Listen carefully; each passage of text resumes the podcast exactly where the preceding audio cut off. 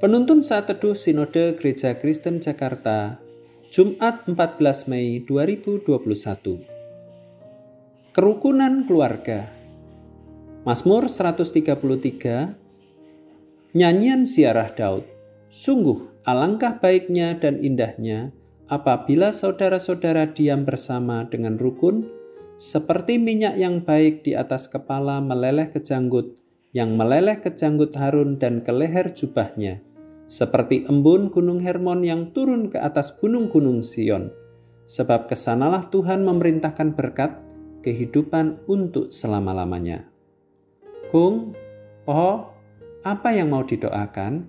Tanya saya ketika membesuk sepasang suami istri yang sudah lanjut usia.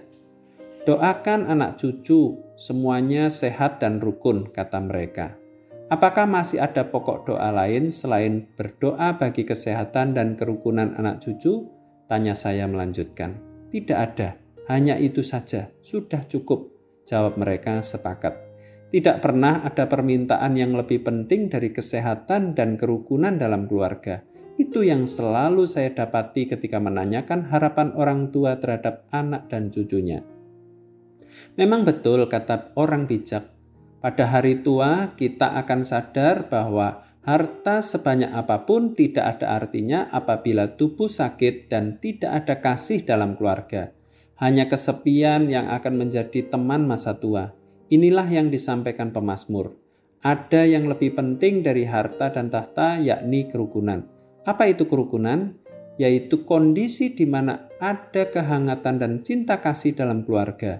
Bagi Daud, Menulis Mazmur 133 bukan hanya sekadar kata-kata atau nyanyian belaka baginya.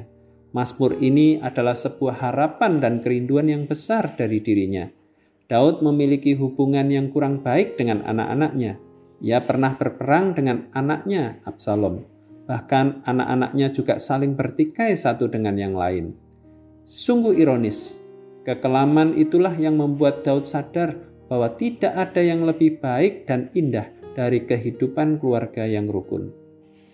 Hari ini banyak keluarga berkonflik hanya karena masalah sepele, entah itu warisan, tanah, harta benda, dan sebagainya.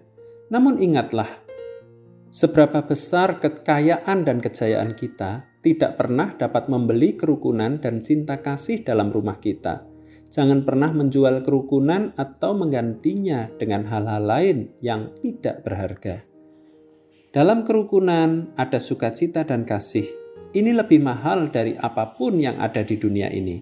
Tuhan Yesus memberkati.